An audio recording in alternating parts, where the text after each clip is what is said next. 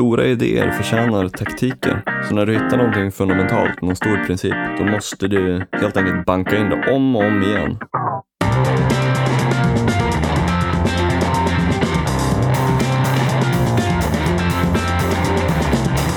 Jag ser verkligen fram emot helgen. Jag ska göra något riktigt, riktigt roligt. Jag ska träffa Annas föräldrar och typ hela hennes övriga släkt. Dessutom bo hemma hos hennes föräldrar i två dygn. Okej, ha- har vi börjat spela in eller? Ja. ja, verkligen. Det ska verkligen bli jätteroligt. Som konsult så kan du tänka att istället för att sälja in många nya kunder, så hitta ett fåtal stora och bygg långsiktiga relationer. När du tittar på en balans och resultaträkning, vilka topp tre saker genererar mest kassaflöde och vilka är de tre största kostnaderna? Branding. Tänk på att den uppfattade ledaren av en kategori får dubbelt så mycket som den uppfattade tvåan och fyra gånger så mycket som den uppfattade trean. Ja, det där är ju ett lite bättre sätt att uttrycka 80-20-regeln på än att säga tänk på att tänka 80-20 i alla delar av livet. Ja, vi tänker ju, eller vi har ju ibland gjort oss skyldiga till att säga helt enkelt just det. Tänk på 80-20. Mm, det, det, är- det är inte konkret nog, det är för abstrakt. Och då tar inte hjärnan till sig det riktigt. Nej, och det du nu säger, det är, en, det är en bra modell. Det är en bra, stor, viktig idé att lägga på minnet. Ja, två stycken faktiskt. Ja, och det är det vi ska prata om idag. Det här att eh, identifiera några stora, viktiga idéer och hamra in dem. Inte bara notera att ja, men det där är ganska bra att kunna och sen gå vidare och glömma bort och därmed inte ha den top of mind och därmed heller inte använda den när du ska. Mm, hitta ett fåtal riktigt stora idéer och dunka in dem istället för att söka efter hemliga tricks som en skata. Inom militären så vet man det här. Ja, där har man ju två stycken olika ord för det här. Du har ju strategi och taktik. Och eh, ja, där har de ju de här termerna som illustrerar det här sättet att tänka på. Det är inbyggt i deras vokabulär. Medan de flesta personer lär sig aldrig det här. De drar inte skillnaden mellan liksom, vad är en stor översiktlig idé och vad är en liten idé eller ett litet eh, tillämpningsområde. Nej, och när det gäller strategi och taktik, då tror jag till och med att det är ganska vanligt att man bara blandar ihop dem. Det är någon typ av plan. Mm, en strategi är ju, ja, vad är planen, vad är det vi vill genomföra? Och taktiken är ett av många sätt som planen kan genomföras på. Och om man då, alltså varför berättar vi ens det här? Jo, för att en stor idé är som en strategi. En stor idé är en allmän viktig princip som går att använda på jättemånga områden i livet. Men man måste verkligen banka in den i sin hjärna för att det ska bli som en reflexmässig eh, grej av ens mönsterigenkänning, att man, att man automatiskt tänker på det sättet och hittar sätt att applicera principen på. Det, det gäller alltså, vad man brukar säga, focus on the fundamentals. Det gäller i alla delar av livet, men man, istället för att göra det så vill man leta efter nya saker som är häftiga. För att man inte har disciplinen att nöta in de viktigaste grejerna. Mm. I det här avsnittet ska vi prata om 80-20-principen i allmänhet, eftersom att vi brukar prata om den, den är så himla bra. Eh, men egentligen, det måste inte vara just 80-20-principen, utan det kan, vara det kan vara vilken stor idé som helst som man kan göra det här på. Och eh, anledningen till att det är viktigt att verkligen banka in de här stora idéerna och eh, hur man gör det på, det är för att eh, det finns något som heter availability bias. Precis, och det man ofta pratar man om availability bias som någonting dåligt. Och det är för att du bara griper det närmaste du har framför dig när du ska försöka lösa ett problem eller när du ska hitta ett svar på en fråga. Då är availability bias riktigt dåligt. Men om du ser till att ha några stora, viktiga, väl belagda idéer högt upp i medvetandet, då blir de de som är lättillgängliga. Då blir det de du använder. Då kommer du använda precis rätt modeller. Mm. Så det, det är egentligen ett sätt att öva in rätt tankevanor. Det tar lång tid att göra, man måste ha lite disciplin. Precis på samma sätt som du måste göra lite armhävningar om du vill komma i bra form. Så måste du göra samma sak om du vill tänka på en hög nivå. Det är också därför som vi tjatar om den här 80-20-principen hela tiden, för att vi vill att du och alla andra och vi själva ska ha den högt upp i medvetandet, att varje gång man ställs inför eh, en problem, ett frågeställning, då ska åtminstone 80-20-principen dyka upp. Hur, hur tänker jag 80-20 i det här fallet? Men, men bara för att inte någon ska liksom sitta nu och tänka, åh, vad kan det finnas mer för principer? Kan de inte nämna någon i alla fall? Ja, då kan jag nämna eh, tvärtom-principen. Att alltid fundera över om jag skulle göra tvärtom då? Eller om jag skulle försöka göra på sämsta möjliga sätt, hur skulle det vara? Mm. Om, om, ehm, om man går vidare på det här med hur man faktiskt tränar in på rätt sätt för att det sitter i huvudet. Då finns det en väldigt bra metod och det är att eh, eh om, om du tar en stor idé, till exempel med 80-20-principen, då vill du upprepa frågor, exempel och listor över användningsområden eller undvikningsområden. Och det är veckans ord, undvikningsområden. Finns det ett sånt ord? Ja, nu gör det det. Ja, bra att man är en pionjär. Ja, ja så, så, så, poängen här är alltså, alltså förutom att det, det faktiskt är ganska bra eh, idéer, just, just, just de här, att, ehm, eh, att kon, tänka ut konkreta områden att undvika, konkreta områden att använda det i och konkreta exempel, som 80-20-principen, det kan vara, som vi nämnde innan, hur ska du hantera din kundlista? Eller hur ska du hantera din balans och resultaträkning? Det är två väldigt konkreta exempel på hur du kan använda 80-20-regeln. Mm, alltså om någon skulle säga tänk 80-20, då skulle du antagligen inte tänka på det. Nej. Utan du måste ha den där ihågkommelsen. Mm, precis, måste... skriv ner de här köttiga exemplen så att mm. du verkligen kommer att tänka på just det, kundlista, där kan man tänka 80-20. Mm, alternativt, vad är den, den absolut viktigaste saken jag kan göra idag? Om jag bara fick göra en sak, vad skulle det vara? Mm.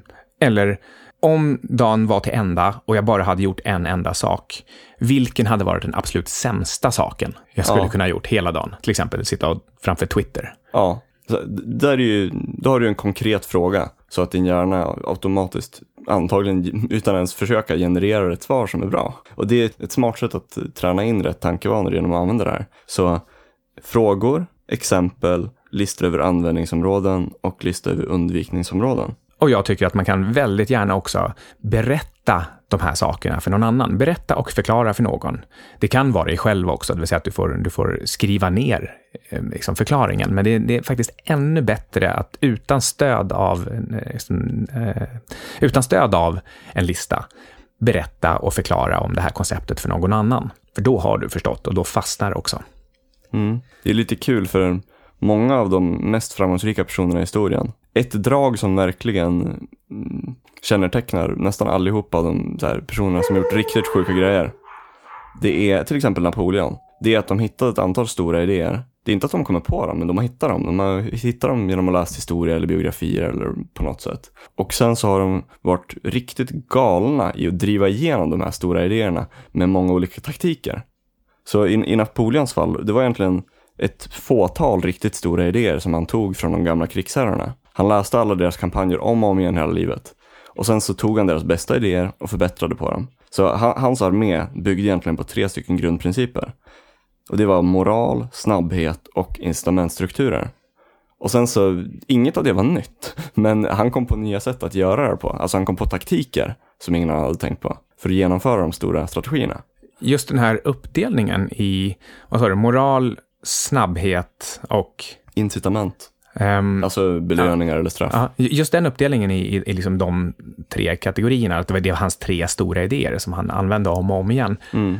Har, har du kommit på den eller är det en, en generell sanning om Napoleon? Äh, det, är en, det är väl nog min slutsats, men det är inte som riktigt att jag har kommit på den, utan jag har nog läst den någonstans. Okej, okay, men, men du har, du hade en idé om hur man kan hamra in de här stora idéerna. Men eh, sen kan man ju också liksom tänka på, att, på sätt att undvika att inte hamra in dem. Mm. Vad skulle det vara? Ja, jo, men att, att, att, inte, att inte bara notera att det där var en bra stor idé och sen gå vidare.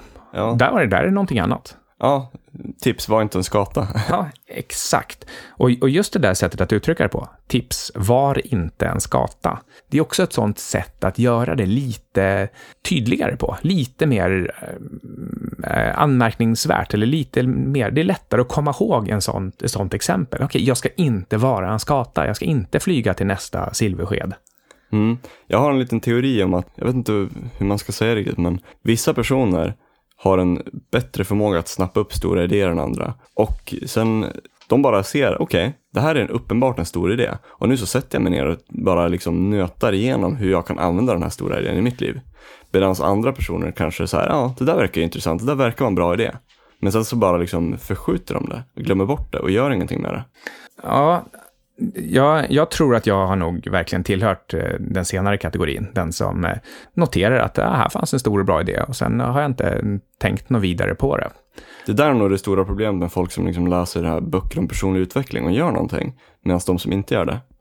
Ja, och, eh, och tyvärr då, som sagt, så är, så är jag nog den som inte riktigt har tagit till mig saker, åtminstone inte eh, tidigt eller snabbt den här, hela den här principen bakom personlig utveckling, den har jag halkat in på väldigt sent. Mm. Ja, men samtidigt så är du i alla fall väldigt grundlägg i när du gör någonting. Ja, jag, jag, jag tror också det. Eh, men, eh, men som sagt, i det här fallet så, så tog det väldigt lång tid att få upp ögonen för att principen ens fanns. Alltså själva principen att, att, man, att man kan ägna sig åt någonting sånt som personlig utveckling. Jag tror att jag, jag fattade inte ens den stora idén. Det kanske, det kanske till och med, om det finns sådana som jag, fler, fler sådana där ute, då, då kanske det är det viktigaste budskapet idag. Att du kan faktiskt utvecklas. Men för att utvecklas så måste du också göra det systematiskt. Mm. En tanke om det, det är det här med att eh, alla har ju en olika förmåga att ta till sig information. Och vissa personer har lite bättre självkännedom när de har uppnått den gränsen, när de känner att bägaren är full och nu måste den hällas ut innan den kan ta in någonting nytt. Och eh, vissa har inte alls det. utan de, de bara liksom tar in information, information, information utan att göra någonting med den. Och så får de sån här information overload. Och problemet då, det är att då hamnar du i en slags negativ spiral där eh, du, du har så många olika konkurrerande idéer i huvudet, men du har inte lagt någon vidare vikt eller psykologisk commitment bakom någon av dem. Så att det är ingen av dem som hoppar upp till toppen. Och liksom, så att du tänker automatiskt i en viss situation att okej, okay, nu ska jag göra det här nu ska jag göra det här. Utan du blir så här, hmm, vad ska jag göra? Jag har sex olika saker att göra, men jag kan inte riktigt vikta valet. Precis, det blir mer som att man har en stor faktabank. Och då kan man nästan lika gärna inte ha den överhuvudtaget och bara googla upp resultaten. Ja, problemet med det, det är att uh, det är nästan värre att ha det, för då får du en massa ångest över, så här, uh, ångest över att du inte kan fatta beslutet. Det är det problemet man brukar säga att uh, en artificiell intelligens kommer ställas inför. Om de hade haft, ja vad ska man säga, om de hade haft? Ja, men någon typ av ändå lite mer medvetande eh, beslutsförmåga. Men just det här att vi människor kan åtminstone, alltså är det en sak vi är bra på, så är det, så är det att hålla motstridiga uppgifter i huvudet. Eh, ja, kanske inte på samma gång, men de finns i huvudet. Det spelar inte så himla stor roll. Vi kan ha massa fakta som står emot varandra och vi kan fortfarande lyckas ta beslut. Men, men har du en, eh, någon, någon typ av AI som har en, en, mängd olika fakta som står emot varandra och där de aldrig riktigt har sorterats efter användbarhet i, i idéer, då, då, då står den bara still, som eh, en åsna mellan två hötappar. Ja, stora idéer förtjänar taktiker. Så när du hittar någonting fundamentalt, någon stor princip, då måste du helt enkelt banka in det om och om igen och utvidga från den principen och bara försöka hitta mer sätt. Och också ha som mindset att det här ska jag använda mig av resten av livet och fortsätta bli bättre på. Ja, och, och återigen då, eh, jag, jag tror till att börja med, ett, just det här att identifiera, det här är en stor idé. Och hur, hur gör man det? Men det är inte helt självklart att, att man har, bara för att någonting känns lite, lite, lite skönt och bra, att, att det är en stor idé eller att det är en stor och användbar idé, utan då måste man ju faktiskt eh, sitta och, och jobba lite grann med idén och tänka, okej, okay, men den här kan jag använda när jag jobbar eller när jag tränar eller när jag fattar investeringsbeslut eller när jag reser eller när jag förhandlar. Alltså att man om, man, om man kan hitta en mängd områden där man faktiskt eh, tydligt kan se att ja, men den här principen, den är, den är användbar. Dels kan jag tänka ut det själv och dels, eh, för man har ju hittat den någonstans, så kan man se att den har fungerat för andra vid en massa tillfällen. Ja, då, då har du liksom både på samma gång konkretiserat hur den kan användas och just identifierat att den kan användas. Och, och, och det på samma gång eh, får upp den högt upp i, i medvetandet också och, och gör den available helt enkelt för, för en positiv availability bias. Vi sponsras denna vecka av ett intressant bolag som heter Episurf Medical Episurf Medical grundades 2009 och erbjuder människor med smärtsamma ledskador ett aktivare och friskare liv genom skräddarsydda behandlingsalternativ. Bolaget sätter patienten i centrum för design av implantat och kirurgiska instrument. Episurf tillsatte nyligen en ny VD, Paul Ryfors, som kommer leda bolaget mot accelererad tillväxt. Det går att läsa mer om Episurf på tradevenue.se och aktien handlas på Stockholmsbörsens small cap-lista. Ja, men det här med 80-20, det är det kan vara lite överambitiöst ibland för att det kräver att, att ens tänka på det sättet. Det är någonting som intellektuellt sett man kan förstå, men ibland så kan det vara så vågat och radikalt, verkligen radikalt, att man inte gör det. Även om man förstår det. Så då kan, man, då kan ett enklare sätt vara att typ göra en försvagad variant. Okej, okay, hur menar du då? Nej men om vi tar en sån sak som att inte slösa sin tid. Istället för att säga någonting så, så radikalt som att eh, 80% av min tid är mer eller mindre icke-produktiv. Så om jag bara kunde öka den där 20% av min tid dubbelt så mycket så skulle jag bli dubbelt så effektiv. Bara, alltså, om, jag skulle vara, om jag skulle vara effektiv 40% av min tid så skulle jag bli dubbelt så effektiv som jag är nu. Ja, det, vore, det är ganska aggressivt att sluta göra fyra femtedelar av det man gör. Mm. Då skulle ett enklare sätt kunna vara att här, verkligen ta ner det till jorden. Det skulle vara så här, om, om, man ska, om man sitter och funderar över om man ska köpa en bok på typ Amazon som kostar typ 10 dollar eller kanske 20 dollar. Inga stora mängder pengar i alla fall. Istället, istället för att typ läsa en massa reviews i 15, 20, 30, 40 minuter så här, ska jag köpa den här boken?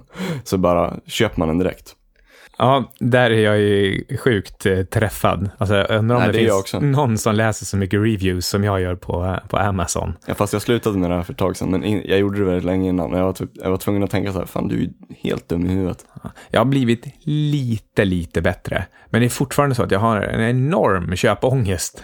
just, just för att jag inte vill köpa en bok som jag sen känner, att ah, det här var inget, inget kul. Och så har jag lite svårt att lägga ifrån mig böcker som jag har köpt, utan att åtminstone åtminstone bara skumma igenom dem. Men, eh, men det, är en, det, är ett bra tips. Alltså det är verkligen, man har inte så himla mycket tid här i världen. Och att mm. ägna dem åt att läsa massa, massa egentligen meningslösa reviews, som man på något sätt också vet i efterhand. Hur många gånger har du faktiskt fått ut ett värde av en, en sån eh, recension? Ja, alltså det där är också så här, för mig är det ett karaktärsdrag som sitter väldigt djupt i min ryggmärg att jag har varit sparsam så länge i mitt liv och snål så länge. Så att jag är dumsnål med många saker. Och jag måste verkligen, så här, verkligen skrika på mig själv och inte vara det. Jag tror att folk som redan från början är lite så här, eh, nästan lite hänsynslösa så att de inte slösar tid på skit. Jag tror sådana personer har en stor fördel.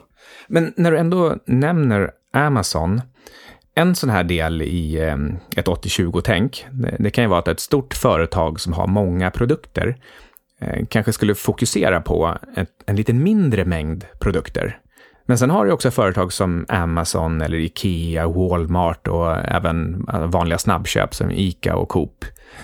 De har tusentals, för att inte tala om miljontals produkter. Det, det verkar som att där går det ju faktiskt inte att tänka riktigt på det sättet. Ja, det, det... Eller har de redan, är det liksom så att den här Amazons två miljoner böcker och två miljoner andra produkter, det är liksom 20 procent av 20 miljoner produkter som de inte säljer.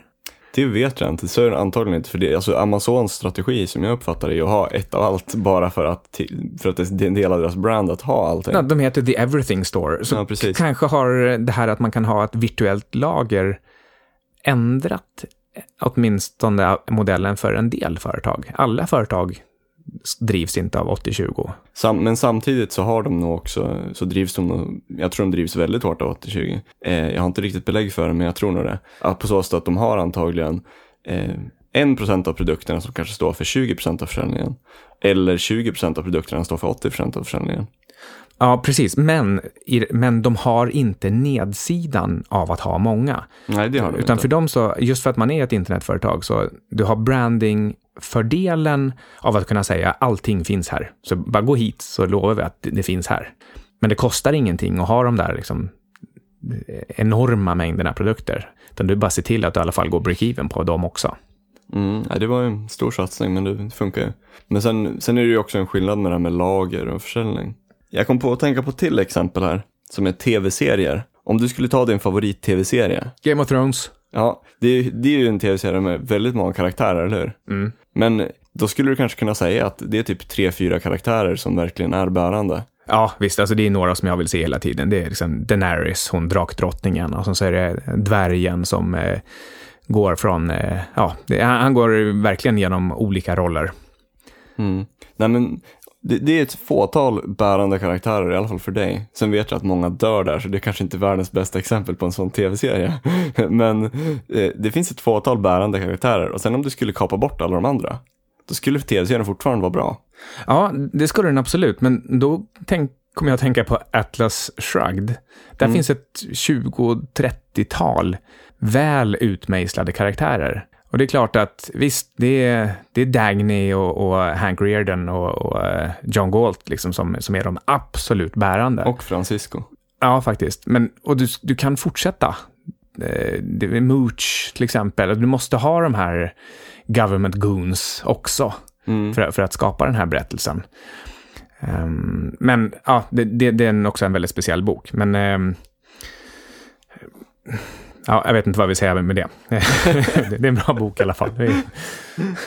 Men du förstår mitt koncept va? Ja, ja definitivt. Att du skulle kunna det skulle inte bli världens bästa bok, men du skulle kunna kapa typ 80% skulle det ändå vara någonting. Ja, men jag, jag, tro, jag, tror att vad jag kanske vill få fram här också, det är att äm, även en sån stor och bra idé som 2080-regeln, den är förstås inte hundraprocentig. Den funkar inte alltid. Det är en bra princip, det är en bra idé. Du kan ha med den, fundera över om den är applicerbar, men den är faktiskt inte alltid applicerbar, åtminstone inte eh, exakt i den proportionen. Nej. Det är det jag vill få fram. Ja, i så fall är det bättre att säga att man ska tänka på power laws i allmänhet. Vad heter det på svenska? Jag har aldrig sett någon riktigt eh, bra översättning. Alltså det handlar ju om att saker och ting distribuerar sig enligt en exponentiell kurva.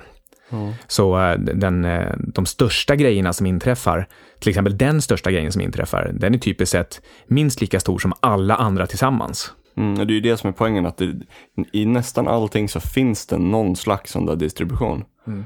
Krig, jordbävningar, tsunamis. Det är liksom alltid så, den, den värsta är, ja men ofta magnituder är större än summan av resten. Mm. Um, men eh, som en liten övning så, ehm, så är det ju bra att tänka igenom det här själv inom sitt eget huvudområde eller sin egen huvudsyssla. Som för mig till exempel som portföljförvaltare. Eh, vad, vad har jag för stor idé eller grundprincip eh, inom investeringar? Ehm, liksom, vad, vad, är det viktigaste man kan göra och vad är det man ska lägga minst tid på? Och här kan det vara olika för olika. Det beror ju förstås på om man är trader eller långsiktig investerare eller värdeinvesterare eller vad det nu än kan vara för någonting. Men till exempel, hur mycket tid ska du lägga på att optimera dina kalkyler i Excel? Ja, eh, det hörs ju nästan på mitt tonfall att jag tycker att man ska inte lägga så himla mycket tid på det.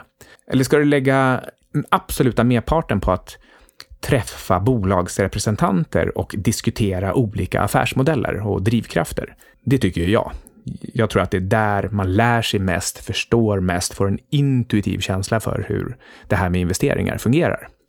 Men sen kan det vara någon annan som, som tycker att det absolut viktigaste är att läsa väldigt mycket, både böcker böcker och branschskrifter. Det tror jag nästan är lite Buffett och Munger. Läsa vitt och brett. Inte minst liksom just böcker. Eh, vilket en del skulle kunna tycka är väldigt förvånande.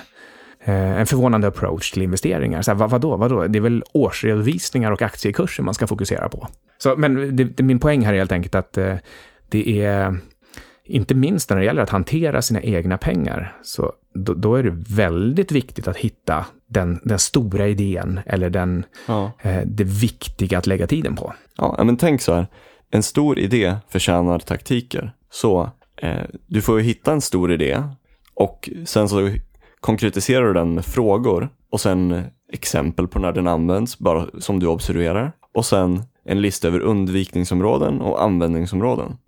Ett sätt att hantera det här på är att skapa en review-file. Det vill säga ja, en, en, eh, en samling med de bästa artiklarna eller idéerna som du har kommit över. Och eh, ja, men då artiklar och idéer som exemplifierar och utvecklar själva den här stora idén.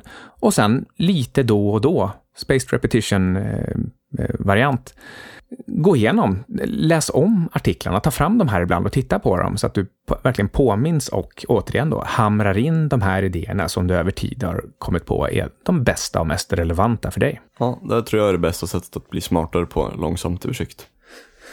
Ja, ehm, bra. Då tror jag vi är klara för idag, eller vad säger du? Ja, nöta in stora idéer. Ja, ehm, en del av de idéerna så får du, får du här på 25 minuter med Syding och Sundström av tradevenue.se. Ett program som klipps av Johan Olsson. Tack och hej. Mm, hej då.